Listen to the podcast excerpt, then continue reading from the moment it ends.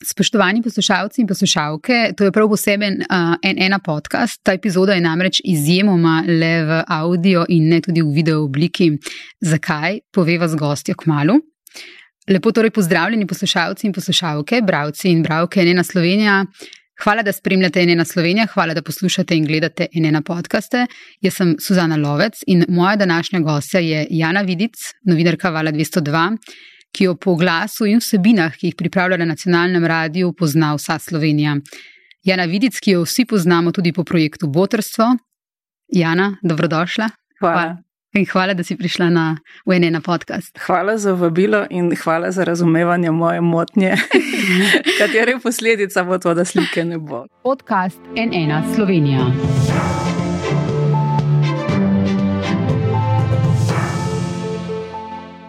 Povejva ali pa pojasniva, zakaj smo brez slike, brez videa. Ti se v bistvu nikjer ne pojavljaš pred kamero, uh, tudi pred fotografski aparat. Ne veš, jaz to vem, ker smo te takrat, ko sem še delala na televiziji. Um, Veliko krat prosili za sodelovanje in ti si vedno sodelovala, Jana, za kar sem ti hvaležna, vedno iz ozadja, s pogovori, um, z nasveti, s svojimi opažanji, opozorili.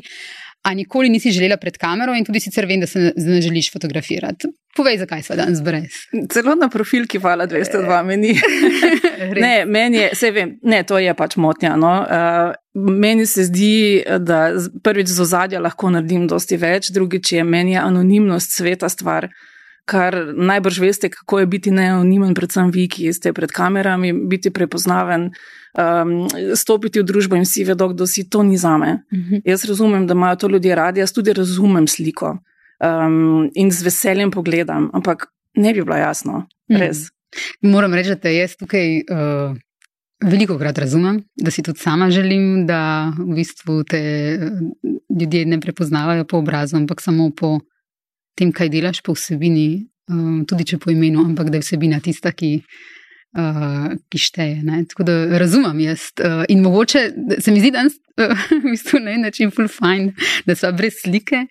Uh, tako da ne vem, mogoče pa. Ko boš velika, boš anonimna. na radiju delala, sem hotela reči. Z veseljem.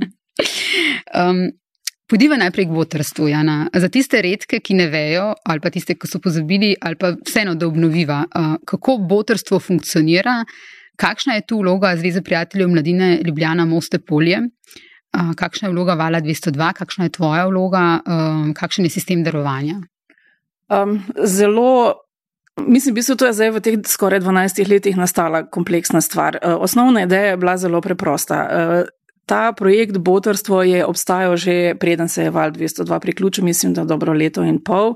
Eh, mi smo iskali nek projekt, kateremu bi lahko namenili sredstva, ki se zbirajo vsak ponedeljek, ko ljudje glasujejo za ime tedna in včasih se je glasovalo tudi za ime meseca. Mi tistih sredstev nikoli nismo zadržali. Najprej smo delali z različnimi društvi, ampak ker je to razmeroma malo denarja, uh, smo rekli bolje, da morda eno. Po norem na ključju je bil to ZPM. Po norem na ključju je bil to ZPM Moste Polje.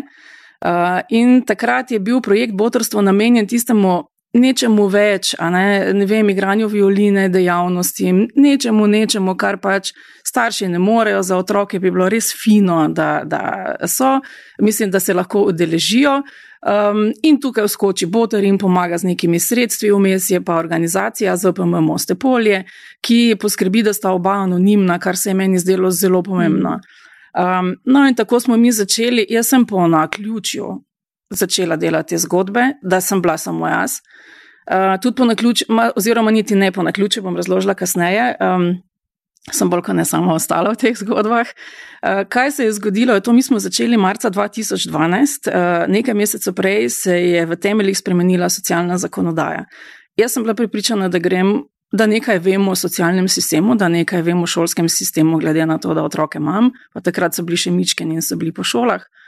Um, in da bomo mi delali razmeroma dolgočasne oddaje o tem, kako si otroci želijo igrati violino in kako rabijo nov dres pa nove kopačke.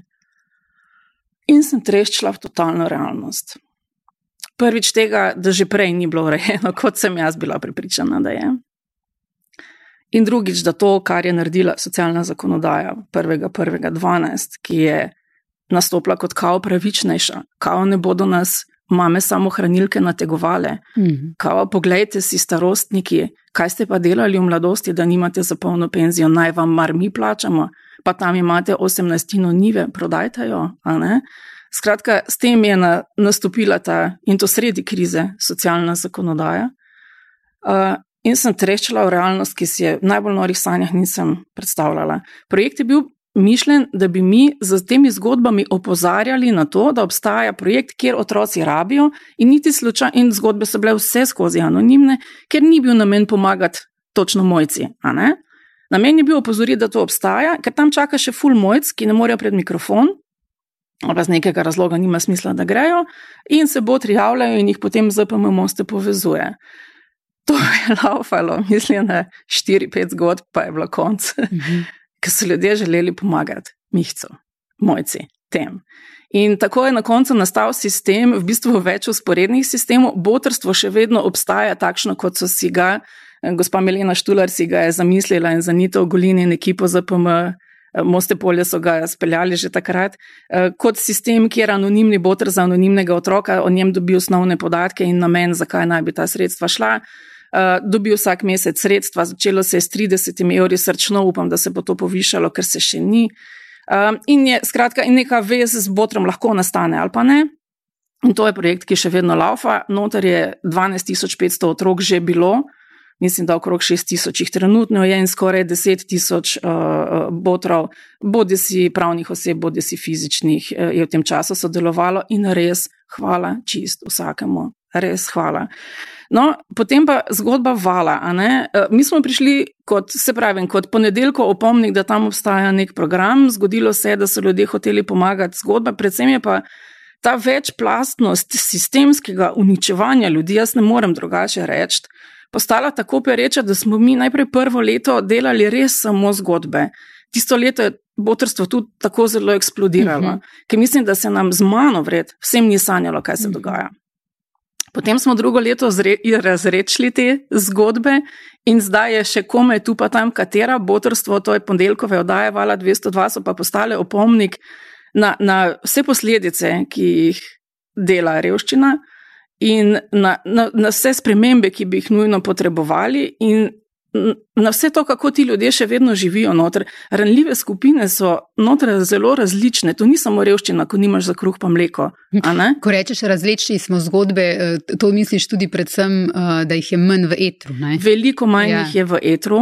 Uh, seveda, je, se veš, ko se nekdo iz tedna v teden sooča z realnostjo, zelo hitro pride tisti moment, ko rečejo: Allah, nehate s tem, pa da je to mhm. brez veze. Pa, um, In ja, in smo jih zavestno dajali v eter manj in jih dajemo zdaj zelo malo. Čeprav še vedno obstajajo. Ne? Joj. Ja. Imam se ne sanja, ki mi živimo. Mm. Res, ker taka zgodba, zdaj da, to so same digresije, se ti upravičujem. Ne, kruredo. Vsaka, vsaka zgodba, jaz ne grem tja kot leteči reporter, pa, pa, pa tisto posnamem, pa to. Jaz tam sem, včasih cel dan. Mm -hmm. Uh, tam se odpirajo tistih deset minut, ki jih na koncu slišiš v eter, je po mojem najbolj časovno potratnih deset minut, ki jih imamo na valu 202, koliko časa je v to vloženega. Ti ljudje rabijo biti videni, rabijo biti slišani, rabijo, rabijo dobiti kontekst, zakaj se jim je zgodilo. Seveda je bilo veliko krat tudi kakšna napačna odločitev. Za, in vsi smo vreče, hodeče vreče napačnih odločitev. Sam mi svoje na nek način smo uspeli same pokrpati, oni pa ne. ne. In to, ko potem moraš nekam po pomoč, to je večini ljudi bolj ponižujoča in teža stvar, kot je živeti v tisti revščini. In večina mojih sogovornikov, odraslih ljudi, ne bi nikoli šla po pomoč, ne bi imela otrok. Nikoli. In skratka, ko, ko, ko vidiš, ko sediš v njihovi dnevni sobi, ko razumeš razsežnosti, ko, ko vidiš, tudi ne samo tisti, tistih pet minut, ko, ko tam snemamo, ampak vse ostalo, kak je vplivalo, na kaj razmišljajo, koliko so otopeli ti otroci, kako nimajo več nobene samo podobe, nobenega upanja, nobenega smisla, nobenega česa. Je to že ogromna življenjska lekcija, ogromna, res. Um, to, kar ti vidiš na terenu, ali kar si videl v vseh teh letih, Uh, kar pripoveduješ, tudi mi dve, če se kdaj dobiva tako službeno, na pol službeno, pa mi pripoveduješ o teh stvarih, se mi zdi tako neprecenljivo, nek uvid, ki ga uh, država pogosto nima, pa bi ga absolutno morala imeti. To, kaj, kaj revščina v družini povzroči, ne? kaj pri posamezniku povzroči. Kaj vse vidiš v bistvu? Ravno to, gled, kot smo rekli, vsi mi smo naredili napačne življenjske odločitve, nedvomno. Ne? In eni so jih delali serijsko. In jaz bi razumela, da bi na nek način hoteli odgovornost ljudi, ki so se nekaj narobe odločali, da bi jo želela tudi država, vsaj na način, da ne rešuje nekih res blazno zavoženih zasebnih projektov, ne vem, ni važno česa. Ampak, ko gre za otroke, oni so itak že žrtev staršev z napačnimi odločitvami, to mislim seveda v, v narekovajih žrtev. Oni so itak žrtev socialnega sloja, v katerega se jih je večina rodila, okolja, ki jih ne sprejema, eh, vrstnikov, ki so neskončen detektor različnosti in ful kaznujejo za nje. Mhm. In da sistem ne razume, koliko pomemben je, da vstopi v družino, da otroku zunaj družine da neko šanso, neko spodbudo, nekaj neki. Tega jaz pač do svoje smrti, kadarkoli bo prišla, ne morem razumeti. Ne morem. Mm. Mm. Obstajajo pa tukaj verjetno tudi kakšne dobre zgodbe, ne vseh teh letih. Um. Tu se pa raztopim. Kar povej. Um, Ja, seveda obstajajo. Lej, uh, noter je uh, eh, 10 tisoč eh, ali 12 tisoč otrok, bilo, morajo biti dobre, ne morajo biti vse uspešne.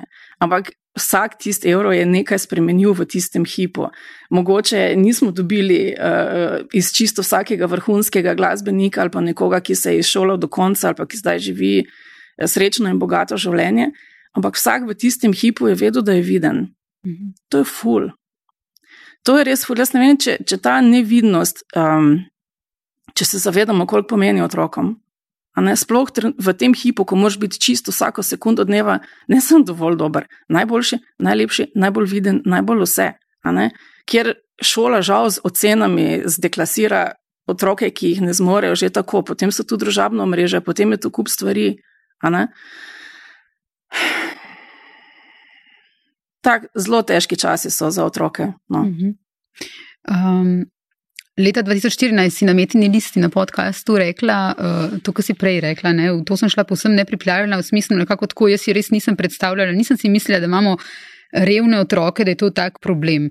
Um, Tega ne bi smelo biti, da se razumemo, ampak do takrat, ko bomo mi postali zrelejša družba, je pa fajn, da to je. O otrstvu si govorila. Uh, Uh, ja, na mi še vedno nismo zrela družba, kaj ne? Joj, to je bilo provokativno, retorično vprašanje. Re, retorično, ja. ja.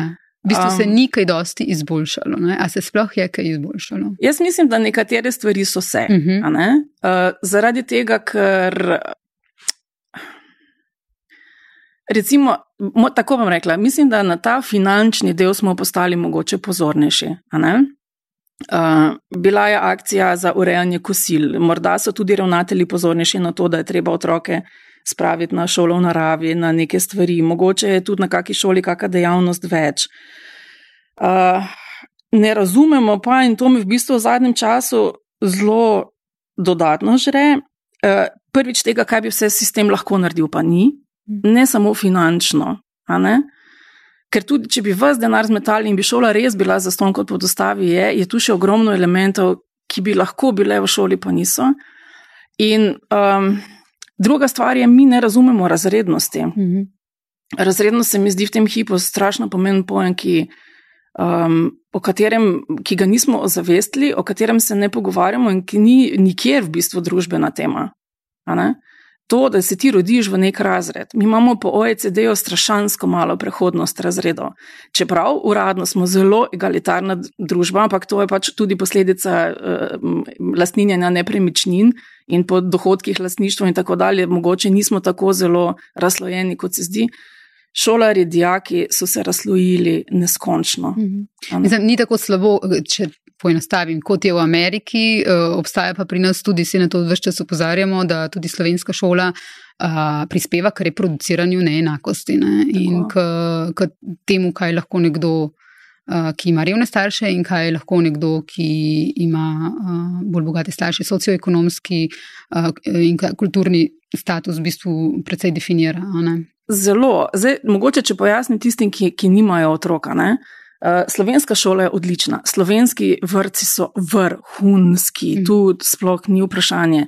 Tudi razmeroma dostopni, ker so pač vsaj delno subvencionirani. Uh, šola v marsičem je brezplačna do doktorantske stopnje, ni šolnin, ni nekih teh klasičnih, kar si predstavljamo kot brezplačna. Kar se nam je zgodilo, je to, da je uspeh v šoli postal tako prekleto pomemben in da otroci, ki se ne prilegajo temu učnemu sistemu, kjer jaz iz katedra nekaj povem in potem vi reproducirate to v testu in v nalogah, točno tako po alinejcah, kot sem rekla, otroci, ki se s tem ne zlijajo in nimajo doma podpore. So mrtvi, kar se tiče mm. šolskega sistema. Mm. Poprečje v slovenskih osnovnih šolah, vsaj v naši, poprečje oceni okrog štiri tu nekaj mora biti zelo narobe. Predvsem se pa sprašujem, kaj je s tistimi, ki doma nimajo nekogar, ki bi jih vlekel, ki bi jim razlagal, kaj je s tujci, ki slovenščine ne govorijo, kaj je s tistimi, ki jih cele dneve ni doma in zakaj je šola, ki je tako odličen sistem, tako zelo odvisna od tega, bo, kakšno pomoč bo otrok dobil. Mm -hmm. uh... Prejšnji konec tedna je razvojna psihologinja dr. Marjanovič Umek um, razlagala to za rubriko Poglobljeno. Tudi o tem smo, smo govorili, je Barbara Smajla z njo govorila. Uh, ona tudi opozarja, da šolski sistem ni razvil zadostne količine varovalnih dejavnikov, s katerimi bi zmanjševal te razlike. Um, tako da pravi, da se to odraža in na, te, na tej um, makroravni, da bi različnim šolam ali pa različnim oddelkom posamezni šoli. Morali streči glede na njihove potrebe, ker niso enaki, in drugo je ta subjektivna raven, raven pouka, pri katerem je pomembna vloga učitelja oziroma učiteljico. Pravi, pomembno je, kakšna je njegova oziroma njena implicitna vloga. Ali verjame, da je treba različnim otrokom ponuditi različne stvari, ali bo zato poskusil, poskusila najti tudi rešitve, kako delati z njimi, kako dvigniti njihove aspiracije. In tukaj se vrne Vajana verjetno k temu, kar tudi ti opažaš, da je na koncu pogosto to ali nek otrok, da rečem na vednicah, rešen da ima enake možnosti, odvisno od konkretnega učitelja in konkretne učiteljice. Od neke loterije, vse mm -hmm. življenjske. Mm -hmm. Zdaj, jaz zelo cenim učitelje. Mm. Jaz v sanjah ne bi mogla delati v šoli in jih res cenim in razumem. Pritiski so od vse posod, podplačanje so premalo jih je. Um, Ampak dejstvo je, da v šoli so otroci 8 ur. In če tam ne bo človeka, ki bo uzrl enega otroka, ki ima doma težave, ki ima kakršne koli težave, tudi bogati otroci, lahko imajo zelo resne Absolutno. težave doma, ja. pritisk na perfekcionizem, na ocene, na pričakovanja, to je lahko ubijalsko. In če tam ne bo nekoga, če sistem ne bo deloval kot varna mreža, ti otroci več nimajo sistema. Nikjer ni več nikogar, ki bi vlovil, ali pa po sreči morda neka soseda, neka teta, neki neki, ampak z njo ne bodo 8 ur. Mm. V šoli bi pa lahko vsaj poskusili del enega učenja na pamet zamenjati za, za ustvarjanje neke skupnosti, za ozrto, za sprejemanje različnosti, za razumevanje, kaj se otrokom dogaja. Tak dober primer se mi je zdel, kako sistem funkcionira, vračanje po epidemiji. Uh -huh, uh -huh. Strašanske besede, kako bomo mi počasi, kako vas mi razumemo, da ste bili pol leta otroci doma in tako dalje.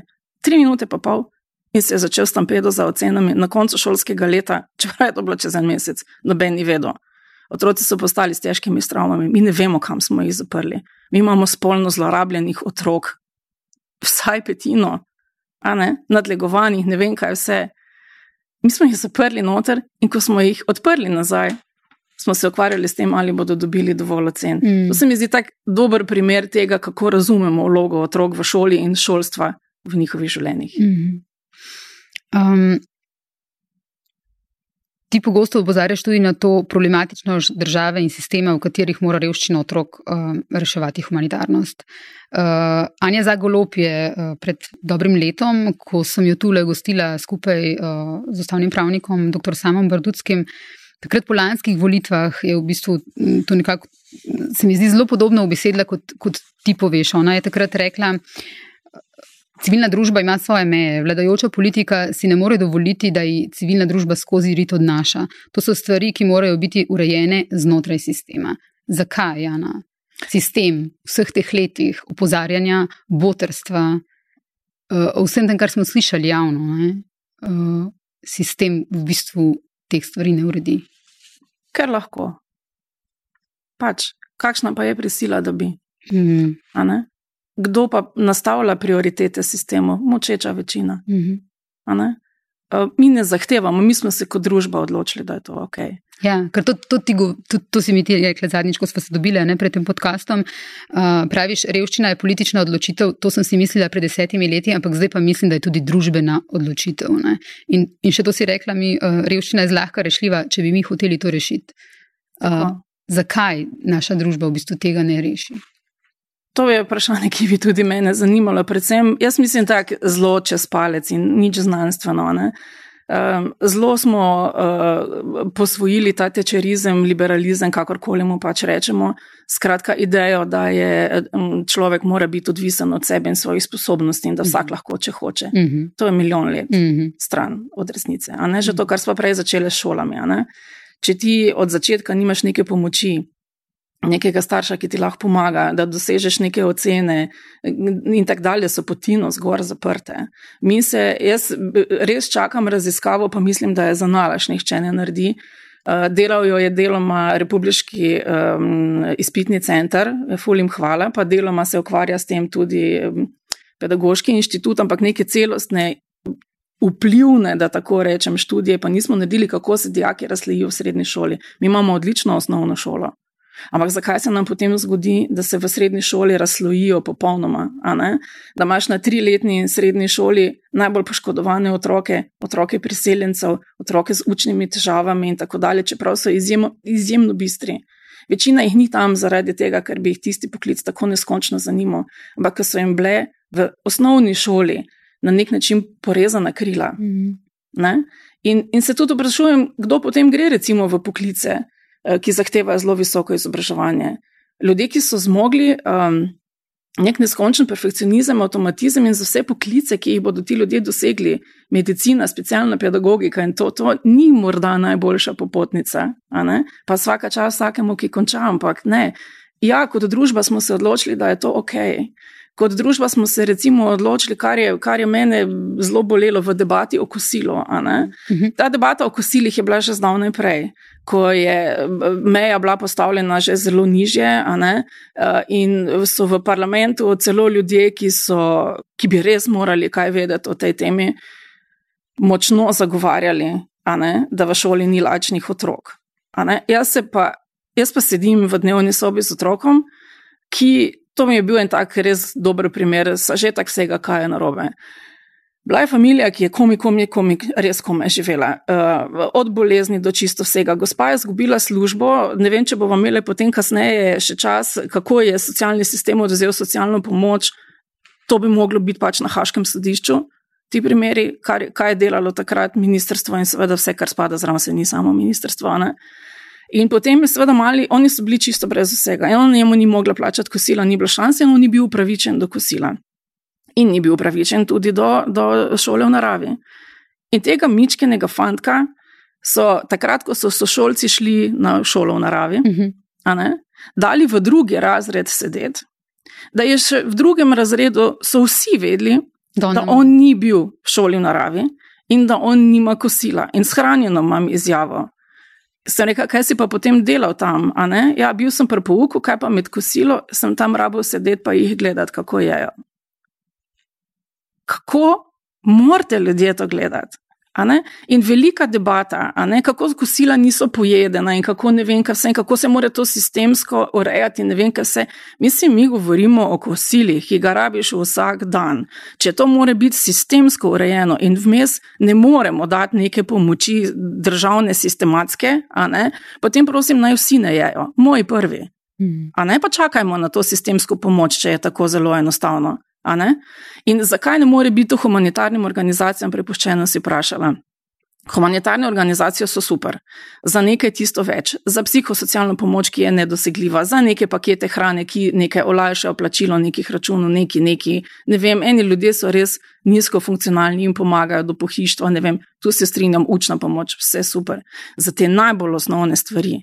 To, da nimajo otroci doma sedem mesecev izklopljene elektrike, kar je konkreten primer. Jesus. Pa šola piše, pa šola, ki jo je mama prosila za pomoč, da vlogo za botrstvo za punčko, ki sedem mesecev živi ob svečah. Mama je prosila, če bi lahko računalnik uporabljala, ker nimajo pač, ker so brez elektrike in brez vsega doma. In ravnateljica napiše vlogo za otroka za botrstvo in napiše, mama je že dolgo brezposelna in družina že veliko dolguje šoli za kosila. Oni so jo pustili brez elektrike, oni so jo pustili brez računalnika, ona seveda ni dobila kosila od šole, ker kao šole itak vejo, da tam ni lačnih, kaj ne da, ne? ampak je vloga za botrstvo šla za to, da bi si šola poplačala dolgove. Z njo več kaj povedati vzravn. Res. Kdaj se je to zgodilo? Smo imeli zgodbo takrat, o tem par let mm -hmm. nazaj. Mm -hmm. Ne bi, res ne posplošujem, res ne posplošujem, ampak tako kot smo se prej pogovarjali, sistem mora sistemsko zajeti vse. Ti lahko nimaš kosila v šoli, če ga nočeš, ampak sistem mora vedeti, da bi ti lahko pripadal. Sistem mora imeti možnost in, in ljudi, ki jih lahko rečejo, gledaj, mogoče oni dohodkovno presegajo to, ampak mi vemo, da otroci doma imajo, ne vem, babico v domu pa ful plačujejo kredite, ni važno kaj, a lahko nahranimo tega otroka. Mm. To mora biti sistem, ne pa na ključe. Če je botrstvo v 12 letih zbralo 12 tisoč otrok. Prak revščine je pa tam med 40 in 50 tisoč otroci. Kaj je bilo z vsemi ostalimi? Kaj je bilo z njimi? Kdo jim je pomagal? Mm. Do česa so prišli? Kiri njihovi talenti so zgubljeni, kire frustracije so pridobljene? Mislim, mi to sebi delamo, razumete? Mi ne kaznujemo nesposobnih staršev, a ne? Pa otroki so se po naključju tam rodili. Mi kaznujemo družbo, ti otroci bodo sošolci, sodelavci, partnerji naših otrok. To bodo, kot so neštetokrat opozorili na fakulteti za šport, in hvala lepa gospodu Starcu, ker je ustrajen pri tem. To bodo nizko funkcionalni, predebeli, frustrirani ljudje, ki ne bodo zmogli niti teh poklicov, ki smo jim jih dovolili opravljati, teh najnižjih, ne bodo zmogli, ker se nam je zdaj zdelo neuredno vlagati v njih. Mm. Kar naj starši poskrbijo, kar naj rdeč križ ali pa botrstvo poskrbi. To je problem nesistemskosti. Šola mora biti varna mreža. Jaz bi v vrtce upisovala najbolj ogrožene otroke avtomatsko. Zato, da jih zajame sistem tam, kjer starši ne zmorejo, pa me ne zanima, zakaj ne zmorejo. Kot je recimo zdaj bilo pri poplavah, odličen sistem. A je kdo kdaj vprašal, ko je šel v poplavljeno hišo, oprostite, ste se brez veze zakreditirali, a ste vi podkupili tam nekoga, da vam je dal dovoljenje za to, a imate fulnarja, ste imeli Audi, a prezune. Ne, hiša je bila zelita in mi smo tam, da vam pomagamo, zato ker ne morete sami van. To je poanta sistema. Mm. Uh, Preko si omenila, ne, da če se bomo pogovarjali uh, tudi o tem, kdo je kriv ali kaj vse se je dogajalo, uh, kdo, kdo je uh, po tvojem mnenju v bistvu kriv, oziroma bom vprašala drugače, uh, kaj so bile največje napake, ki jih je naša država naredila na tem področju, kar se tiče recimo revščine. Poleg močeče večine, uh mhm. -huh. ki ne zahteva ki, ki daje to na rame staršev ali pa ljudi, ki so pač zabredli in ne razume tega problema oziroma pomena skupnosti, ki bi ga morala razumeti vsaka, vsaj približna družba. Ne? Uh, jaz ne bom govorila za nazaj, ker ostale stvari poznam iz študij pa literature, ampak od takrat, odkar sem jaz zraven, uh mhm. -huh. to je od leta 12, uh -huh. je bila socialna zakonodaja absolutna katastrofa, za katero ni nikoli nihče odgovarjal in je ti isti, ki so jo ustvarili, niso niti popravili. Nikoli, čeprav so imeli možnost, ker so bili še leta po tistem na, na, v sedlu. E, če samo malo spomniva. Takrat se je zelo na hitro spremenilo to, da, so, e, da si ti socialno e, podporo več vrst oziroma socialne transfere Eh, lahko dobil samo, ko so te preverili iz 44 baz. Eh, te baze na začetku niso vse delovale, odločbe so zamujale. Ko so odločbe prišle, so bili bistveno manjši zneski, kot so jih ljudje dobili prej. Zračunani na absolutno, sploh ne razumem, kakim sistemu. Uh, zgodilo se je da, se, da se je pač država odločila, da če so prej nekaj mesecev po njeni krivdi dobivali previsoke zneske, ki jim po novem niso več upravičeni, da jim poračuna vse naenkrat. In so ljudje z štirimi, petimi otroki, tisti z več otroki, so bili najbolj prizadeti takrat, ostali popolnoma čist brez vsega, padli v izvržbe, kjer je znova država dovolila, recimo, sistem, da si dobil neko pomoč, zdaj seveda bistveno manjše, in je banka si ni mogla iz tistega izplačati, oziroma nekaj časa je celo lahko, potem pa ni mogla izplačati, ni mogla vsega.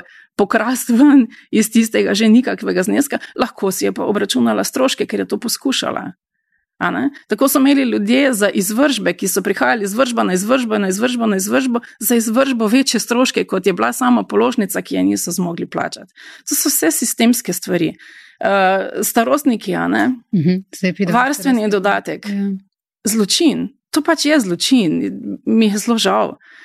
Takrat je uh, sistem bil, če mogoče samo malo spomniva, iz socializma smo prinesli uh, starostno pokojnino, popularno imenovano, ki je takrat bila na pokojninski blagajni in ni temeljila na uplačanih, ali pa je le deloma temeljila na uplačanih zneskih. In je bila na nek način solidarnostna pokojnina. Jaz razumem, da se je pokojninska blagajna želela tega očistiti, čist ležit. Tisto je pač zavarovalnica, ki deluje glede na uplačila.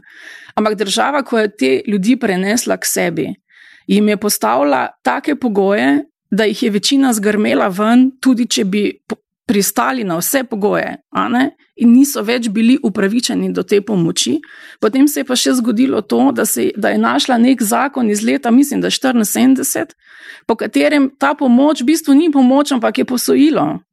In da bodo, ga bodo vračali dediči, ko bo tisti, ki ga je prejel, umrl. In ko, se, ko je ta prvi primer prišel ven na, v javnost, eh, je bilo jasno, da, se, da se je država že masovno upisala v zemljiško knjigo na neke deleže, ki jih bodo morali poplačati. In takrat so se še tisti ljudje, ki so morali biti bili upravičeni do tistih fičingov, ki niso sploh bili za preživetje, eh, da so se še tisti sami odrekli. Mi smo takrat, zdaj bom malo na pamet rekla, ampak mislim, da je bilo prej teh eh, varstvenih dodatkov, kot se jim je kasneje reklo, okrog uh, nekaj čez 50 tisoč, padli smo pod 10 tisoč.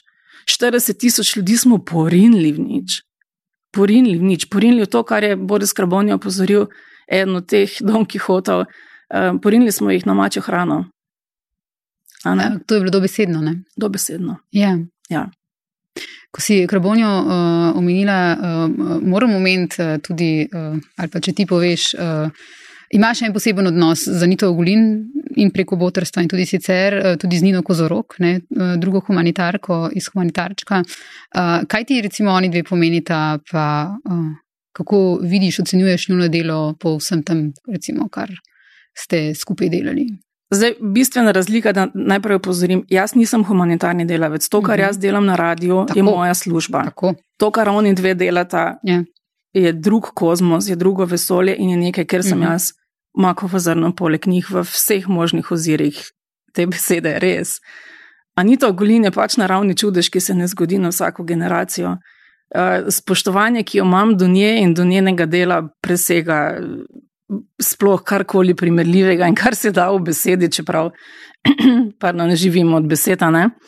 Um, ona je fenomen, način, na katerega gleda na revščino, na pomoč in tako dalje, presega čisto vse, kar delajo drugi humanitarci, tudi seveda v njeno škodo, uh, ampak je hkrati ustvarila ekipo, ki revščino razume na način, kot jo jaz razumem. Mm -hmm. Tu smo se našli, recimo, tudi z uh, Nino Kozorok, s katero nimamo niti približno tako intenzivne zveze kot recimo za Nito, s katero res delamo 12 let. Uh, z Nino smo se spoznali. Um, ko smo si zelo želeli, da bi tako, kot smo posvojili botrstvo, posvojili tudi njihov projekt Vida, ki je odlično, uh, res odlično funkcioniral. Uh, žal se je začel tik pred korono in na način, kot smo si ga želeli speljati, nismo mogli, ampak te starostniki mene še vedno žulijo in žrejo in jaz upam, da bomo kdaj našli način. No?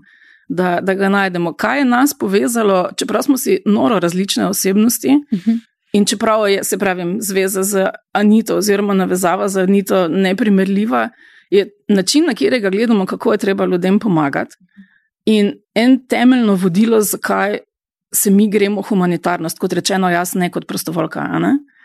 Uh, zelo dosti ljudi je dobro namernih, ampak je v tem humanitarnem delu iz po mojih merilih, mojih, da se razumemo, iz napačnih vzgibov. Uh mhm. -huh. Ali grejo tja, pa so neke svoje travme zdravijo, ali recimo uh, pričakujejo hvaležnost. To je mhm. najbolj napačen uh mhm. -huh. kraj za pričakovanje hvaležnosti. Kar je, se meni zdi nam skupno v pogledu, ne pa v delu, uh, je predvsem to, da razumemo, da delamo stvari zato, ker, ker moramo, zato, ker je prav, ker, ker imamo to moč, ker imamo ta privilegij. Da lahko govorimo v imenu, jaz pač samo govorim o ne dveh sreči, še kaj delate. Uh, da imamo privilegij govoriti v imenu tistih, ki, ki niti ne znajo, niti ne zmorejo, ker to te podsuza, ta revščina, ta, ta deprivilegiranost. To je, Jaz mislim, da je revščina najbolj perfidna oblika nasilja, ki ga država izvaja nad svojimi državljani. Res. Uh, nagrado za izstopajoče novinarske stvaritve Društva novinarjev si dobila v letu 2012. Uh, včasih, takrat so zapisali, včasih, ko so medijske prve minute in naslovnice polne velikih zgodb o ukradenih milijonih in o bitkah elit, davek plačujejo najšipkejši, tisti, ki v javni sferi nimajo svojih lobistov. Botrstvo je po njeni, torej po tvoji zaslugi, prepričalo tudi največje skeptike in hrabrilo tudi najbolj obupane. Postalo je več kot projekt, postalo je gibanje tistih, ki jim ni vseeno. Komu pa, Jana, vse ni vseeno? Zagotovo ne tistim, ki to živijo, pa tistim empatičnim, ki to gledajo in skušajo pomagati. Uh, večini žal je. Najbolj zelo, zelo obžalujem je odločevalcem, mm -hmm. zelo tudi izvajalcem teh politik, Uh, jaz zelo cenim ljudi, ki se trudijo in izstopajo iz svojega poklica in so odlični. In to imamo med socialnimi delavci, med ravnatelji, med učitelji, med komarkoli vzgojitelji. Vedno imaš izjemne, izjemne posameznike in, in neko skupino, ki dela izjemno in odlično. Ampak recimo meni, kar, kar je bila moja šola iz tistega časa, ki si ga zdaj omenila, ne? ko so začele prihajati preomenjene odločbe. Uh, ki so seveda bile novost za vse, nikoli še na tak način nismo obračunavali socialnih transferjev po novem zakonu, in tako dalje. In tako dalje. Jaz sem naivna do konca pri vsaki zadevi, delala oddajo o tem, kaj je sistemsko narobe, da smo dobili ta produkt. Hodila na ministrstvo, polno kapo so me morali imeti. Jaz sem verjela, da je njim cilj stvari spremeniti. Kakšna naivnost, itak bom naivna umrla, ampak kakšna naivnost. In potem smo mesece in mesece in mesece se pogovarjali o, o rešitvah in tako dalje, zato da so mi na koncu povedali, zakaj se kaj ne da. Mm -hmm. Energija, ki bi morala iti mm -hmm. v, v popravljanje napak, ki jih je ustvaril sam sistem. Ne, to ni bila naravna nesreča kot tale zdaj. Mi smo to naravno nesrečo naredili sami. Mi smo jo dopustili, politika jo je ustvarila in nihče od ljudi, ki bi morali vedeti, kaj se bo zgodilo, se ni uprla in se ni upirala kasneje, ko smo že videli, kako v prepad vse skupaj drvi. Tiho so bili. In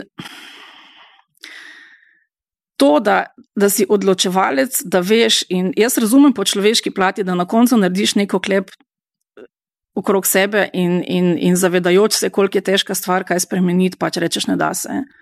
Človeško intimno pa ne razumem. Mhm. Kot praviš, povsod so zelo dobri in povsod so tudi tisti, ki v bistvu iščejo, zakaj se nekaj ne da rešiti. Um, verjetno tudi na centrih za socialno delo, ob tem, kar ti delaš, kar vidiš, uh, teren in vse, uh, doživiš isto, oboje, oba ta ekstrema. Uh, uh, kaj bi sicer rekla, da so glavne težave na centrih za socialno delo trenutno? To govorim res čez palec. Uh mhm. -huh. Prosim, ne morem biti, ker uh mhm. -huh. centri imajo tako raznoliko delo. Jaz poznam samo ta del, recimo z družinami, res jih ne bi obsojala uh -huh. za to. Ampak jaz mislim, da tudi če so prej delovali uh, bolje in zagotovo se, kot rečeno, in izjemni posamezniki najbrž še sedaj, ne pa tudi srečujem jih. Uh, predvsem to, da niso terenci. Uh mhm. -huh. Pri ljudeh, pri katerih sem jaz tista prva leta res pogosto sedela in bila z njimi, in to, uh, večina njih ni nikoli se soočila, mislim, k njim nikoli ni prišel uh, socialni delavec na dom, nikoli se niso srečali zunaj centra za socialno delo, kar je fulj pomembno, ker je socialni delavec uh, v centru za socialno delo, kako ne rečem, če, tudi če noče, je z pozicije moči. Mm. On odloča o tem, ali bo uh, nekdo dobil pomoč in kakšno pomoč bo dobil. Po drugi strani je pa ta socialna zakonodaja, ki sem jo prej omenila iz leta 2012, tudi najboljšim zavezala roke. Oni so postali strežniki za računalniški sistem, ki je izračunaval pomoč in so bili degradirani v svojem strokovnem delu, v svojih odločitvah, v vsem, na to, da so stregli, ali bo kera baza podatkov delala ali ne. Hmm. Hmm. Um, starostnike sem že prej omenila, pa smo šli potem, smo naredili digrezijo. uh, Pa uspešne zgodbe se tudi, če moramo vrniti. Tako, dej, prosim, zapisala si bom, da tole ne bo zaviva.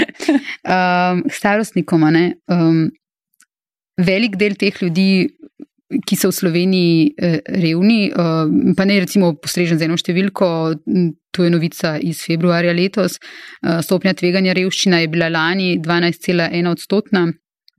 in se je v primerjavi z letom prej zvišala za nič cele 4 odstotne točke. Z dohodkom nižjim od praga tveganja revščine je živelo približno 251 tisoč prebivalcev Slovenije oziroma 8 tisoč več kot leto prej je sporočil državni statistični urad. Ampak med temi revnimi je zelo veliko tudi starostnikov.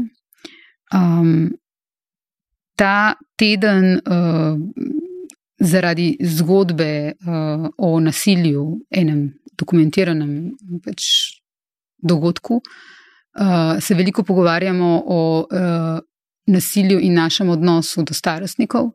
Uh, tudi tukaj, verjetno, imaš nekaj opažanja iz svojega dela, uh, in vem, da si zelo kritična, kako se kot družba, Slovenija, država, obnašamo do starostnikov. Um, to zdaj ni moje ožje področje, je pa področje, ki me ne da miru. Uh mhm. -huh. Ne znam podatkov na pamet, vem pa, da je med starostniki, ki si jih omenila, daleč, daleč najrevnejša ženska populacija uh mhm. -huh. od 70. ali 75. leta naprej, kjer je četrtina živi pod pragom revščine. Ne? Kar ni na ključe, ker njihovih enako starih moških ni toliko. Zakaj? Zato, ker pač so zgodovinske posledice. Te ženske niso mogle v službo vse posod. Mhm. Te ženske niso imele kam dati otrok, niso kam imele dati svojih takrat starostnikov. One so prispevale v družbo z neplačanim delom, ki ga je bilo ogromno in ki nikamer ne šteje. Itak ne fizično, oziroma da bi jim upoštevali, preračunali neko fiktivno sredstvo, ki so ga one dale uh, ne, uh, družbi. Uh, še manj pa, da bi jim na nek način to plačali. In te, te ženske so izjemno ranljive, ampak tudi sicer, zatem, ko mi že koliko več kot 20 let, bila recimo, to je taka ena zanimivost. Ko sem z Maribora prišla v Ljubljano v službo leta 2000, sem skakala po ministrstvu eh, za delo glede. Eh, zakona o dolgotrajni oskrbi, ki se meni zdi izjemno pomemben, ker eh, preko nekih mehanizmov lahko reši ogromno teh odvisnosti, zaradi katerih so starejši tudi nasilju prepuščeni, ne samo revščini. Uh, in takrat se spomnim enega gospoda, ki, ki je rekel: Gospa, vidiš, lete toliko, pa je tako s prstom pokazal, toliko manjka. Torej, tako rekoč, sem še lektoriral, da dam zakon, pa je to, to pa bo pol stvari rešenih. Gospoda že zdavne ni več, ne da ne lektoriramo tistega mi nismo blizu, vse lahko sprejmemo, ampak razumete, to ne more zaživeti. Mi več nimamo osebja, mi nimamo sredstev, mi nimamo družbenega konsenza, da bomo to speljali. Ja, želimo si, ker se pač vsi staramo in pričakujemo neko rešitev, ampak mi v resnici tega nismo dali med prioritete, da bi bilo realno izvedljivo za te ljudi, ki bodo to. Šele potrebovali, kaj šele za tele, ki so. Čeprav, recimo, pilotni projekti, ki sem jih spremljala nadaljavo, ne, Uh, so se zelo dobro obnesli. To, da so da ljudje so res lahko ostajali doma, seveda ne potem, ko je bila neka blazna njega, ampak sistem bi lahko deloval, če bi se mi kot družba odločili, da je nam to pomembno. In ta stavek lahko uporabim za skoraj vse, kar delam. Mm -hmm. Če bi se mi kot družba odločili, se ne bi razlojili otroci, ne bi razrednost tako močno vplivala, ne bi imeli otroci stanovanja, ko bodo odrasli kamorkoli dam, če bi se kot, ker denar ni vprašanje, verjemite mi, ni vprašanje. Prioritete pa so. In to, da je recimo po podatkih mladine, zelo jim hvala za ta članek, mislim, da ga je eh, novinar Mekina napisal in našel podatek, eh, da je v zadnjih 30 letih eh, se zgodilo to, da je en odstotek ljudi pridobil, mislim, da 23 odstotkov premoženja. To je načeloma, ne vse ne posplošujem, ampak načeloma posesano iz javnih financ zelo velik del, iz propadlih tovarn vsega. In tam, kjer so se bojci igrali, recimo neko uh, privatizacijo, ki ni uspela, bodo to plačali moji vnuki. Tam, kjer je uspela, iz različnih razlogov, po, mnogokrat povsem legalnih, da se razumemo, ker je zakonodaja omogočala nekatere stvari, so posesali četrtino družbenega premoženja, tistega istega, ki so ga gospe, ki jim zdaj ne, očitamo, da, da si niso zaslužile za penzijo, ker niso bile dovolj let v službi, ker niso na svetu imele kam iti v službo. Ustvarile. Čist ena spet oprosti digresija, ampak po naključju sem našla eno knjigo, kako smo gradili Slovenijo od leta 45 do 65, iz leta 66, nekaj takega.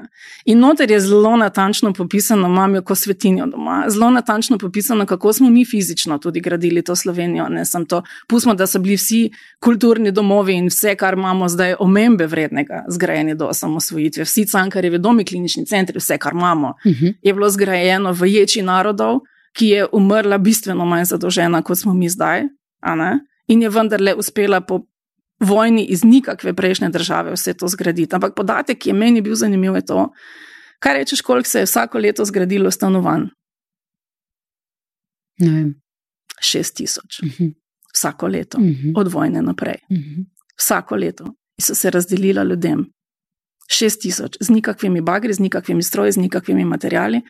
Šest tisoč stanovanj se je uspelo zgraditi, nimamo v stanovanski fond, ki se je potem razfrčkal iz tistih časov. Torej se da. In država ni umrla brutalno zadolžena, kot nam hočejo to prodati, ampak manj zadolžena, kot smo mi v tem hipu zdaj. Samo odteko je denar v napačne in to zasebne žepe. In te stvari mene fulžrejo. To se, če se vrnemo na prioritete. To, da otroci zdaj, vključno z mojimi, ne morejo dojeti, da bi lahko dobili pomoč pri stanovanju, streho nad glavo, neki, neki v življenju te države, to meni strašno slab signal. Sem jaz tudi ne verjamem več. In ta sistemskost prioritete, kako smo si jih določili, ni stvar denarja, je denar tega, koliko je bila družba tiho in kaj je delala elita, ker smo jim to dovolili, ker je večina stvari legalnih. Preden greva na dobre zgodbe, sem si napisala, da ne bo pozabila, ko si me spomnila. Uh, mi povej, kako to, da se tako malo spremeni, ali veliko premalo, ali pa skoraj nič, uh, vpliva na te in na tvoje delo. Oh. A si morala? Ja, mislim, eh, jaz verjamem tudi pri svojem delu. Vidim, pa delam veliko manj na teh temah kot ti. Veliko, veliko manj, eh, kako v bistvu je človek sfrustriran, ko vidi, da se nič ne spremeni. Ne znam si predstavljati, kako morajo biti sfrustrirani humanitarni delavci, kako moraš biti, recimo, ti. Uh, sfrustrirana. Kako v bistvu to občutiš? Zdaj, to je bolj tako, tako osebno vprašanje, uh, ampak je povezano z novinarskim delom. No? Um, to je bitka na utrujanje, ki jo je sistem proti meni in proti ljudem, za kere se zauzemam, dobil. Ni enostavno več vsa čast vsem, ki se oglašajo, ampak enega družbenega zavedanja, da bi lahko bilo drugače. Jaz ne čutim več, se opravičujem, če sem preveč pesimistična in drugi vidijo drugače. Jaz ne. Mm. Jaz ne vidim, da bi se mi kot družba, kot smo se v poplavah, zauzeli za to, da bi skupnosti bilo dobro, da bi skupnost razumeli, da bi državo razumeli kot nekaj, kar je podstat za vse, kar ljudje rabijo, za vsaj znosno življenje. In jaz tega več ne vidim. Ta bitka, ko sem rekla, sem hodila na ministrstvo in so mi uh mhm. -huh. mesece dokazovali, da se nekaj ne da, šlo je pa za neko malenkost, ki morda niti ne bi veliko stala. Uh, to se mi zdi, da je leitmotiv skozi skoz vse stvari. Pa, pač pač ne bomo, ker ne zahtevamo, ker nočemo. Mm. Pripravljeni smo se spoklati na forumih, uh, pripravljeni bi bili v žlici vode utopiti vse, ki so mogoče zlorabili socialno pomoč, kar se pač seveda tudi zgodi, ampak tudi bojsi so izrabili državo. S petimi milijardami zafrčkanih, pa, jim, pa so ugledni državljani dan danes. Če bo pa mama samo hranilka na socialni pomoči prišla z nalakiranimi nohti, bodo pa socialne delovke napačno gledale pa ji čestitam za one nohte, ker če je zmogla v tistem stranju si nohte nalakirati, ima moj globok poklon. Res. Um. Nisem optimistična, oprosti. Pa te to, to delo te zaznamuje v bistvu na vsem, kar delaš. Ne? Tudi v zasebnem življenju, jaz vem, kako v bistvu to delo ti domov nosiš, kako o tem razmišljaš. Uh, praktično vse čas. Ma, na začetku moram reči, da sem ko zrela hruška noter, čist ne pripravljena na to. Se, v, takrat sem imela mičkene otroke, se še toliko bolje, sem pač v vseh videla svoje otroke. Noter, ja, jaz se spomnim, da si nekoč rekla, uh, da na začetku, ko si začela te osebne zgodbe, ker ste takrat še več osebnih zgodb v eter dajali, uh, da na začetku, v bistvu isti dan, ko si snemala družino, nisi mogla iti v trgovino zase, pa za svojo družino kupiti stvari, ker si se počutila krivo, ne, da ti lahko. Ja. Ja. Uh, še vedno to delam. sam, ja, ja. uh, sam zgodb je manj, uh mhm. -huh. pa tudi oborožena za hrano grem tja. Uh mhm. -huh. Ampak tega zdaj res, uh, res je bistveno manj. Um, en, moram reči, da kar sem od tega odnesla, razen uh, globokega intimnega razočaranja nad tem, da, da nam to ni prioriteta, kar je seveda moj velik problem. Se zavedam, da ne rabi biti od vsakega, moj pa je. Um, jaz čutim zelo osebno odgovornost, da nisem znala več spremeniti. Ful. Ampak si si naredila vse, kar je. Ja, ampak učinka ni imelo. Ja. Učinka ni imelo. Se pravi, mi tu pri nekih kosilih se mogoče še malo, a ne. To, da bi razumeli državo kot nekaj, kar more, to, da bi razumeli razrednost, da bi razumeli stiske otrok, da bi razumeli, kaj dolgoročno delamo z tem. Pa se ti zdi, da se kakšen politik, ki je bil na mestu ministra, ministrice za socialno delo, o tem zdaj sprašuje v tem momentu? Če vse naredila, ne, naredil? Ne, ne. no, jaz mislim, da bistveno bolj spijo kot jaz. Mm -hmm. Jaz mislim, da ja, tudi nagrajeni so bili. Da ne bo pomote, ne? mislim, bodva tukaj, mogoče kakšne stvari malce cinično poveva. Uh, ta odgovornost je na politiki.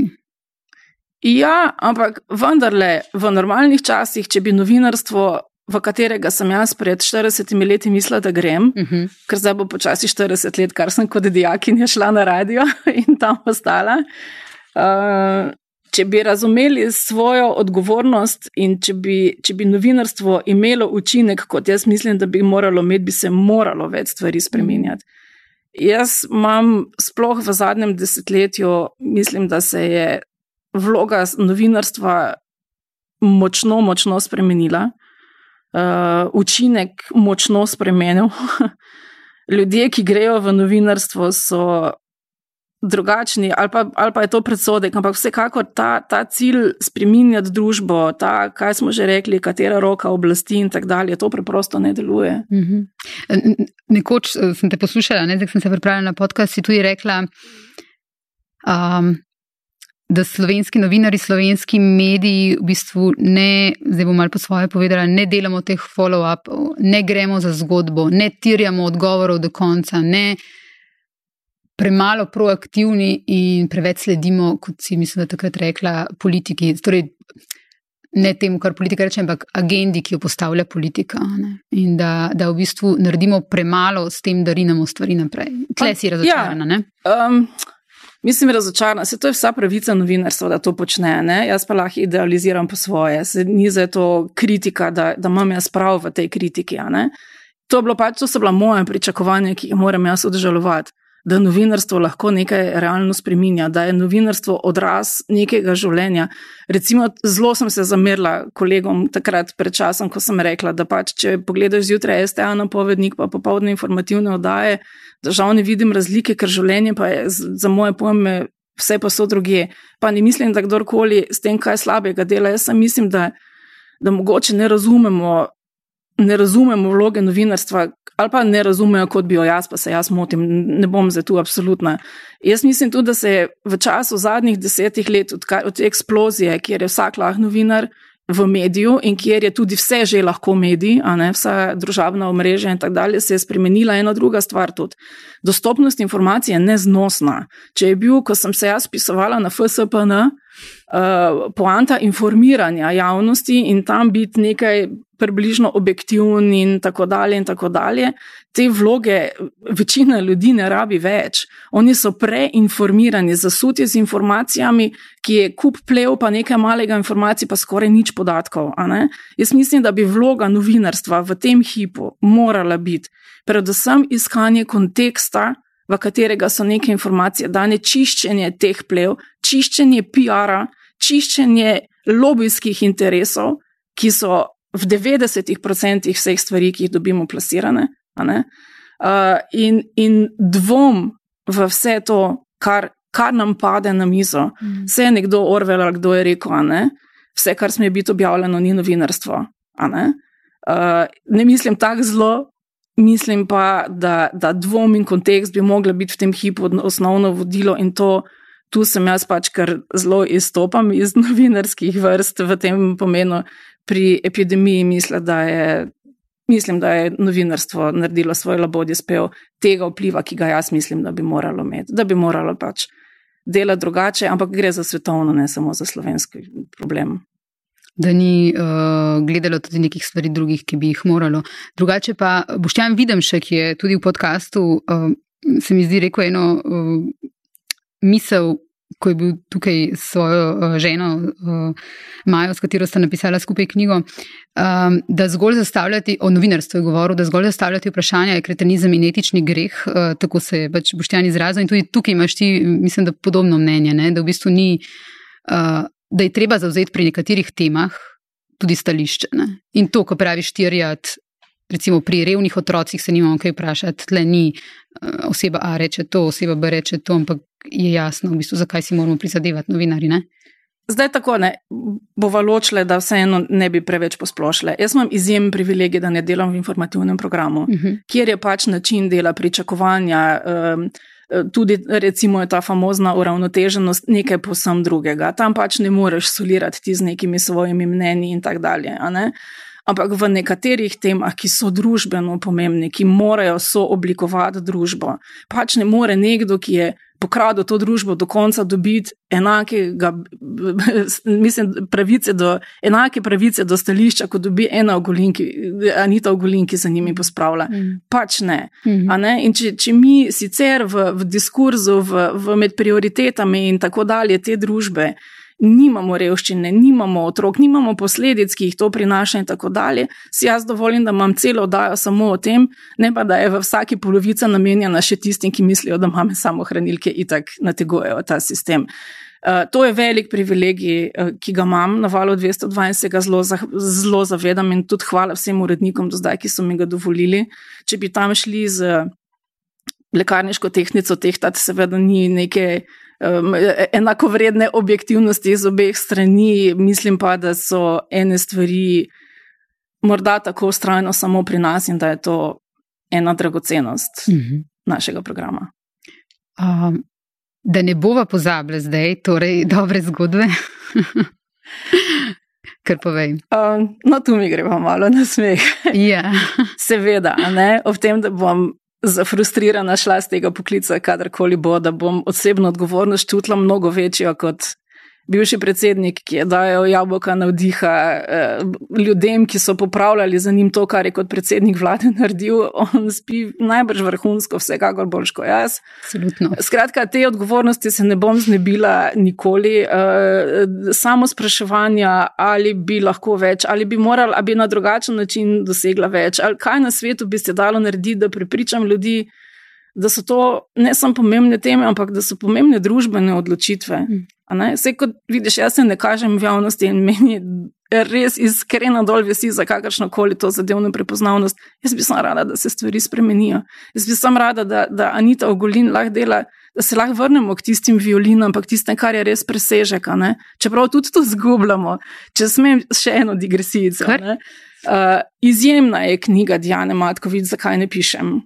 Ker mislim, da je to najbolj botrska knjiga, kar smo jih dobili, recimo pri nas. Vsak, jaz bi rada veliko brala, v resnici pa ne berem toliko, kot bi rada. Ampak ona je tam noter to razrednost, čeprav kot iz priseljenske družine, opredelila predvsem razrednost. Ona je imela to, kar smo se pogovarjali, loterijsko srečo. Če mora bi tudi bilo vredno nameniti še minutko ali dve, loterijsko srečo, da je v času, ko je odraščala v familiji, ki je bila uh, relativno nizko, predvsem razredno zelo nizko, imela učitelja, ki jo je spodbujal pri enih stvarih. Ampak kaj je ona rekla po tistem vsem, ko je, ko je vas peko dala, če sem se iz njega zvlekla zdaj kot pisateljica? Mislim, da je bil knjižničar. Pa mislim, da celo razrednik, ker. Ja, ampak ni važno, skratka, učitelj, knjižničar, kakorkoli. Izjemen gospod, uh, slučajno tudi učitelj mojega moža. A je res? res. Uh, in uh, hočem reči, uh, Ona je zdaj pri svoji polni starosti, ko jo v Berlinu vidimo kot avtorico morebitnega scenarija za, za eh, film, in, in skratka, ko je uspelo, je vendarle opozorila na nekaj. Meni je lahko uspelo samo na literarnem področju. Če bi želela uspeti v baletu, v plesu, v glasbi, kjerkoli, če bi moj talent bil nekaj drugega kot to, sem jaz dead meat. Ker za tisto je treba otroka upisati v šestem eh, letu ali pa v sedmem letu, treniranje športa, oprostite. Pri 14 letih, kjer bi se v resnici morali neke športne dejavnosti začeti, je večina otrok že izpadla iz tega, da, da zanima, kakšen klub, da bi ga vzel zase. Mi nimamo TVD partizana kot v grdem socializmu, kjer bi otroci lahko malo telovadili, pa se razgibali, pa šli na neobvezen basket. Mi imamo celo strukturo klubov, ki žal morajo preživeti, žal na račun tega, da so uspešni na tekmovanjih in tako otroci iz šol pridejo ne, v klub, kjer znova še malo tekmujejo, ker v šoli so pa delali kaj drugega 8 ur kot tekmovali. Ampak hočem reči, da ne, mi izgubljamo talente in kup, izgubljamo kup nekih stvari zaradi razrednosti, ki, ne, ki je ne razumemo in zaradi sistema, ki je ne podpira. In ja, Diana je to ful dobro obesedla. Če bi ona bila baletka, mi za njo nikoli ne bi vedeli. Lahko je bila samo nekaj, kar je lahko naredila doma na računalniku, bila sama sabo in imela srečo, da se je izborila in sfajtala v, v zreli svoji zreli pisateljski dobi, da je to tudi šlo. Mhm. Eh, dekan pedagoške fakultete, dr. Janis Vogrinec, je pa lani v podkastu, tukaj na enem podkastu, Uh, ko smo govorili med drugim tudi o tem, da je epidemija bolj prizadela spet tiste otroke, ki so bili že prej najbolj ranljivi in najbolj prizadeti, uh, tudi govoril o tem socialnem, kulturnem kapitalu, ki pomembno določa uspešno, uspešnost učencev. In on je rekel, da bi tukaj, ne, ravno na tem socialnem kapitalu, kjer je učitelji zaznali, kje je primankljaj in vlagali, recimo pri tem uh, znotraj šole, prav na tem področju, ne, da bi tukaj lahko o, ogromno naredili. Čeprav je on, tako kot si tudi ti že rekla, ne, da ta javna šola, slovenska, je tudi on je rekel, jaz sem iz delovske družine v tej javni šoli z dobrimi učitelji, uh, sem um, postal doktor znanosti in zdaj je pač dekan pedagoške fakultete. Uh, je pa on tudi opozoril točno na to, kar, kar ti opozarjaš. Um, Ampak, oprosti, če se na digresijo ja, spet. Pred leti je delal Republiški izpitni center uh, eno raziskavo, ne vem, če ne celo pol legalno, uh, o tem, kakšna je razlika med bruto prihodkom staršev, otrok, ki so v neki triletnem programu, in staršev otrok, ki so v povprečni gimnaziji, ne elitni, povprečni gimnaziji. Pred mnogimi leti je bila razlika v dohodku te družine 18 tisoč evrov. Mi smo se to zadevno razlovili. Poleg tega se nam je šola močno preselila domov. Ne? Če bi ti isti otroci, kot je bil uh, gospod dekan zdaj. V, naših, na, v naši generaciji, ja. Naši ali pa v moji, ki sem še starejša tako. od vas. Takrat smo si med sabo pomagali, takrat šola niti ni bila tako usodna reč mm. in se je večina stvari dogajala med nami z nekimi pouki, ki smo si jih sami delali, šolo z, z vsemi stvarmi, ki smo jih popovdne skupaj sami delali. Kakšni inštruktori, kakšni starši. Moja mama ni vedela, v kje razred hodim. Uh, in če bi, skratka, ne, zdaj se je pa šola preselila domov in kaj se je mhm. zgodilo? Če se ti cele dneve učiš matematiko, razlagaš snov, ki je on ni razumel, delaš projekte, PowerPoint, ne vem kaj vse, in ne bova se sploh vprašali, kaj je s tistimi, ki jim starši ne znajo pomagati, je jasno, da bodo starši, ko bo otrok neuspešen, prišli v šolo vprašati, da hek, se sem bil zraven, se vem, da zna. In hkrati tisti, ki ne znajo, odpadejo vse posod, njih ne pošljajo na, na neko tekmovanje, da bi si vsaj dvignili mičke na samozavest. Oni niso na literarnih, na onem, na nikjer, ker imajo primankljaj, ki, ga, ki ga je šola naprtla staršem, da ga skuša popraviti. In ta šola, ki se je preselila domov, je strašno velika tragedija in ima zelo veliko razsežnosti. Ne samo to, da moramo starši PowerPoint doma delati. Tudi o tem govori uh, dr. Ljubica Marjanovič Umak uh, prejšnji teden v rubriki Poglobljeno. Uh, a si hotla še kaj na uspešne zgodbe? Ja. Dej povej. A veš, da sem že štirikrat to vprašala? no, povej. Ja. Um, lani za Božič sem dobila recimo eno tako darilo. Yeah. Uh, klicala me je mama, ki je pred desetimi leti bila moja zgodba, tam med tistimi, pač, ki so bile takrat, ko smo jih imeli še bolj pogosto. Me je klicala mama. Uh, ta, to je zgodba, je bila, ona je bila samohranilka, šla je iz nasilnega odnosa. Jaz občudujem te ženske, da vam sploh ne morem povedati, kako in nasilje je za en poseben podcast. Uh, ker je katastrofa od katastrof od katastrof. Ampak, skratka, ona je takrat šla ven, ostala s tistimi tremi fantki na enem podstrešju, tam mrzlem. Vsak, mi grede vsake zgodbe. Ne, ne spomnim se več otrok naslovov, priimkov, nič od tega. Je. Ja. Občutka, ko sem snemala, vem za čisto vsako A. zgodbo. Za čisto vsako mm. zgodbo. Včasih celo von, tisti obup, tisto, tisto, kot je tam prežame. Včasih se mi je zdelo, da se moram cela stuširati, da ne bi česa odnesla od tam ven. Res, to je vsake, vsake, vsake zgodbe se spomnim. Skratka. In mi njej pomagamo, mislim, mi njej hvala res vsem donatorjem v vseh letih za čisto vsako stvar. Ji pomagamo, ženska dobi vse, vem, da so ji eni še meso prepeljali. uh, in vse, in vse napolnimo tisto stanovanje z, z vso pomočjo, nje je olajšanje totalno, tam mal je bil takoj vpisan na fusbal, vse je laufalo. Mi kliče enkrat sred noči, pogoreli so do tal. Ne. Z vsem. Z vsem, ko so prišli nazaj, ni bilo popolnoma ničesar več. Potem je tu z zlato, zlato, zlato pomočjo Anite Ogulin, uh, so uspeli dobiti eno zasilno bivališče, uh, ki je potem na nek način ostalo k sreči lahko njihov dom, mičkeno, ampak za njih zlato.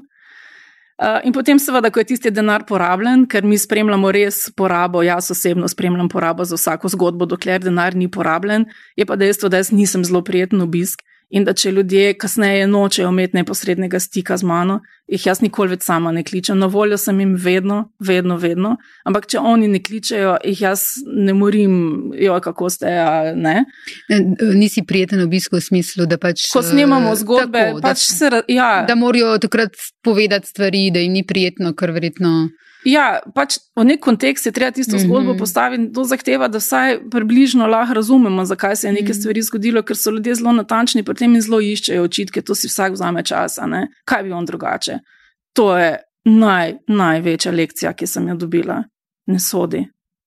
Ne sodi. Ljudje pojma nimate, zakaj je kdo kaj, kako odreagiral, kako bi vi v taki situaciji, sam ne soditi.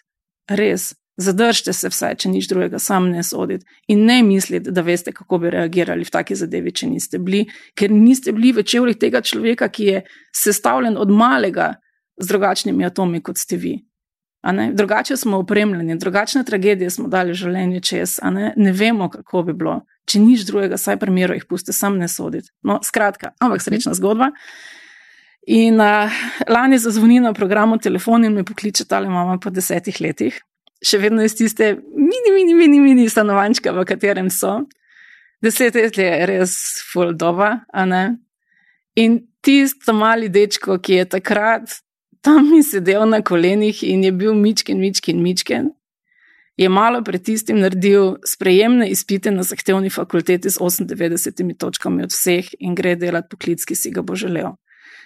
Tako otrok, skozi tak pekel, skozi to vse, kar jim je manjkalo, oni še zdaj ne pojejo vsak dan tega, kar bi radi.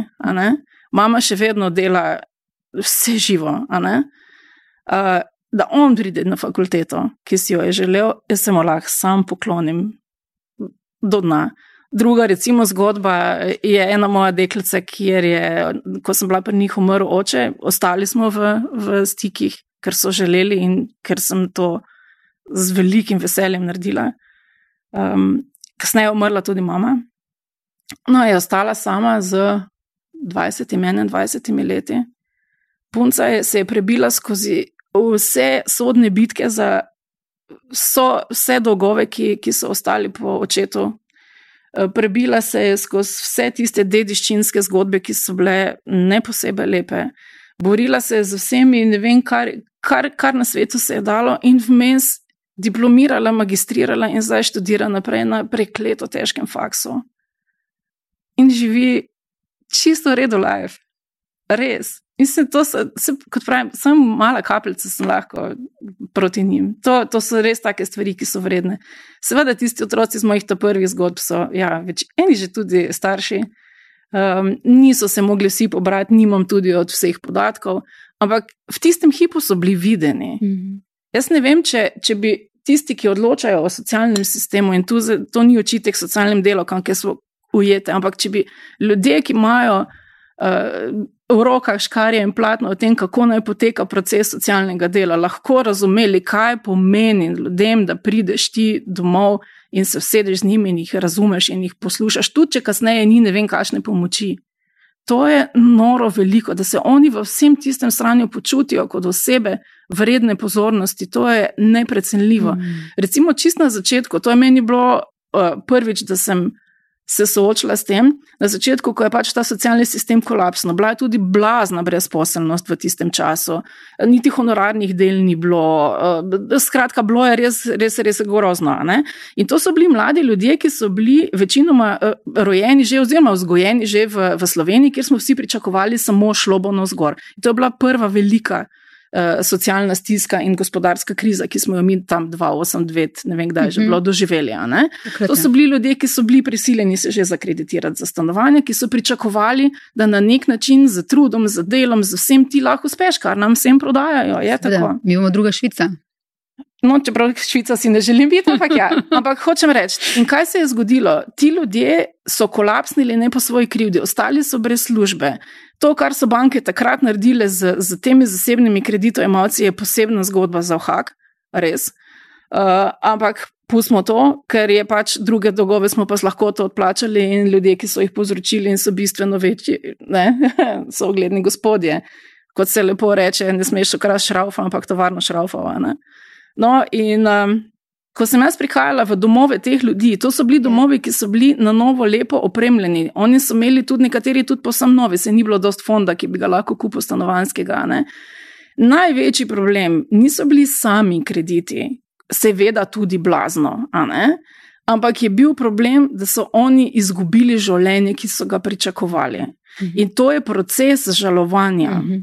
In ko so prišli na center za socialno delo, so naivno kot jaz, takrat, ko sem se začela s tem ukvarjati, mislili, da sistem razume, da če je taka kriza vse povsod, da zna odreagirati in jim pomagati, samo da ne potonejo, vse ne nekaj blaznega, ne bo jim odplačal kredite, da vsaj nek moratorij, vsaj nekaj naredi, kar smo mi grede kasneje pri botrstvu potem delali skupaj z roko v roki s pravno pomočjo in pisali manifeste. Kaj bi morali, kaj bi ljudem zelo pomagalo, samo da ne potonejo. Ne? Ker večina teh ljudi, ki so bili na, za slamco ven iz tistega močvirja, je potonil sistem, ne neka blazna svetovna gospodarska kriza, ampak način, na kak smo mi odreagirali in kako smo prilagajali socialni sistem. To je ta tragedija. Krizo, Tako, in ti ljudje so bili v fazi žalovanja za življenjem, hmm. ki, ki ga niso mogli živeti, za pričakovanji, ki so jih obljubili svojim otrokom, hmm. za razočaranjem nad sabo, ker so sami sebe krivili, da neče se niso zmogli. To so strašne travme, to je podobno žalovanju za človekom, ki ga zgubiš.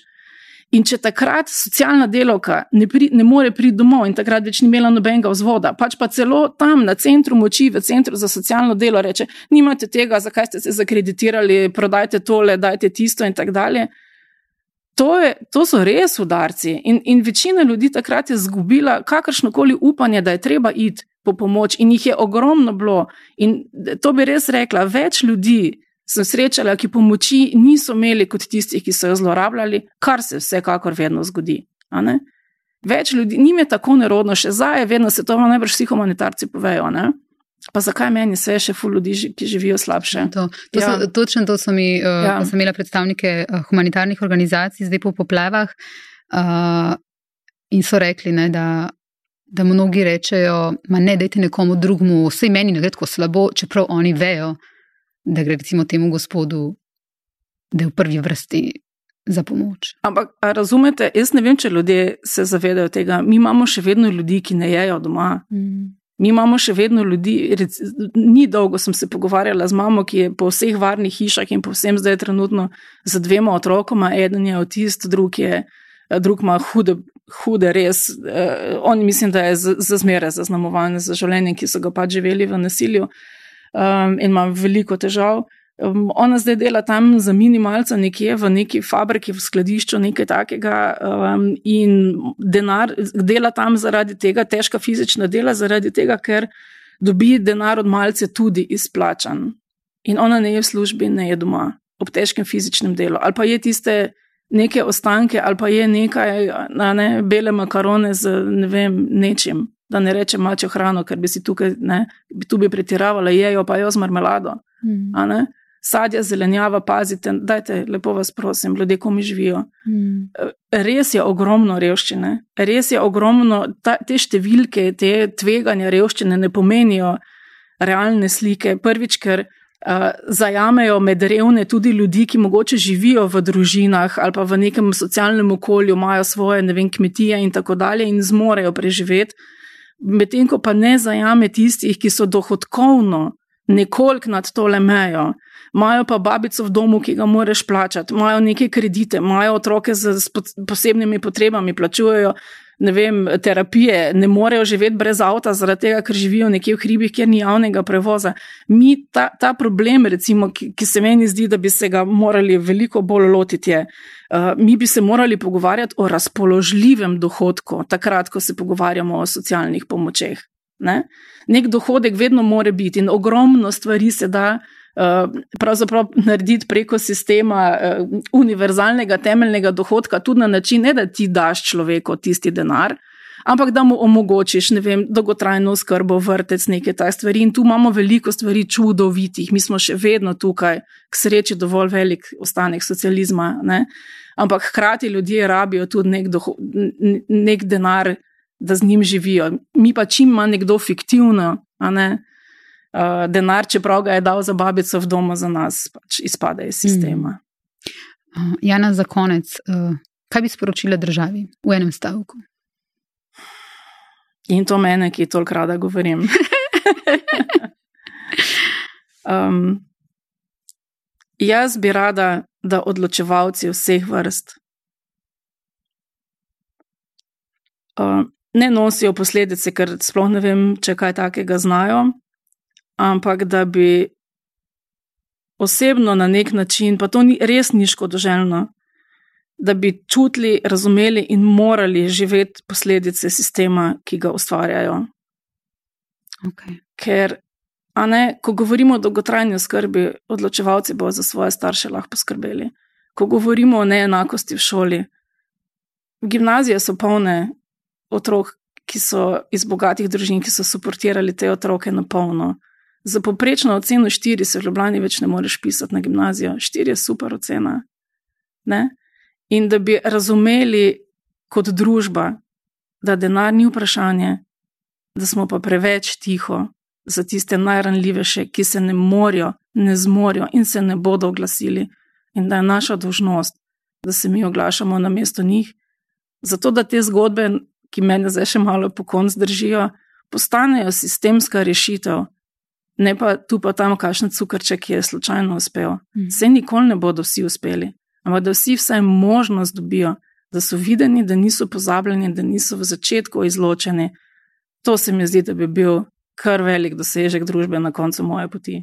In ti si, Jana, uh, videti glas teh ljudi. Hvala ti, da si bila danes uh, moja gostja. Hvala, da si prišla. Dolgo smo se pogovarjali, ampak sem zelo vesela, da smo se končno dogovorili. Zelo z velikim veseljem, tudi še kdaj, tudi še kdaj iz ozadja, če je treba. Predvsem bi pa nekaj rekla, uh, bliža se 500 ta oddaja. Uh, sicer zdaj to ni čisto točna cifra, ker je pač botrstva na valu 202. Uh, ljudje ki nam verjamejo, bi se jim res zahvalila. Uh, zbranih je bilo že blizu 30 milijonov evrov za otroke, samo preko botrstva. Botrstvo je zraslo vmes v en razvejan sistem pomoči, ki je. Ta, teh 30 evrov na mesec v bistvu samo stopna točka in do počitnic, in do učne pomoči, psihosocialne pomoči. Dijaški sklad je ena izjemno pomembna, spet sistemska napaka, mm -hmm. ki je ministrstvo ni hotelo popraviti do zdaj ampak ga zdaj ne bomo odpirali. Ampak vsega tega, jaz bi bila brezvezno blebetalo, če ne bi tukaj nam verjeli in pomagali ljudje z vsakim paketom, z vsako donacijo, z vsakim vsem, z vsako donacijo, ki gre preko vala za zgodbe, vidim in, in, in vem, kam gre. In jim hvala za zaupanje, in hvala, da so zvesti. In če za konec sam še povem, še ena taka tipična zadeva, kdo pomaga. Mhm. Vse sorte ljudje, mhm. vse sorte. Ampak zelo veliko krat se zgodi, ker vidim, ko, ko gledam te ne, uh, prilive, ki prihajajo na nek račun. Včasih je bilo tudi po 2 evra nakazila. Spomnim se enkrat pred novim letom, je klicala v studio gospa, oziroma v pisarno moja gospa. In je rekla, veste, jaz vas moram nekaj vprašati, ne me narobe razumeti. Jaz bi za tole družino zdaj, jaz bi poslala en SMS 5 evrov.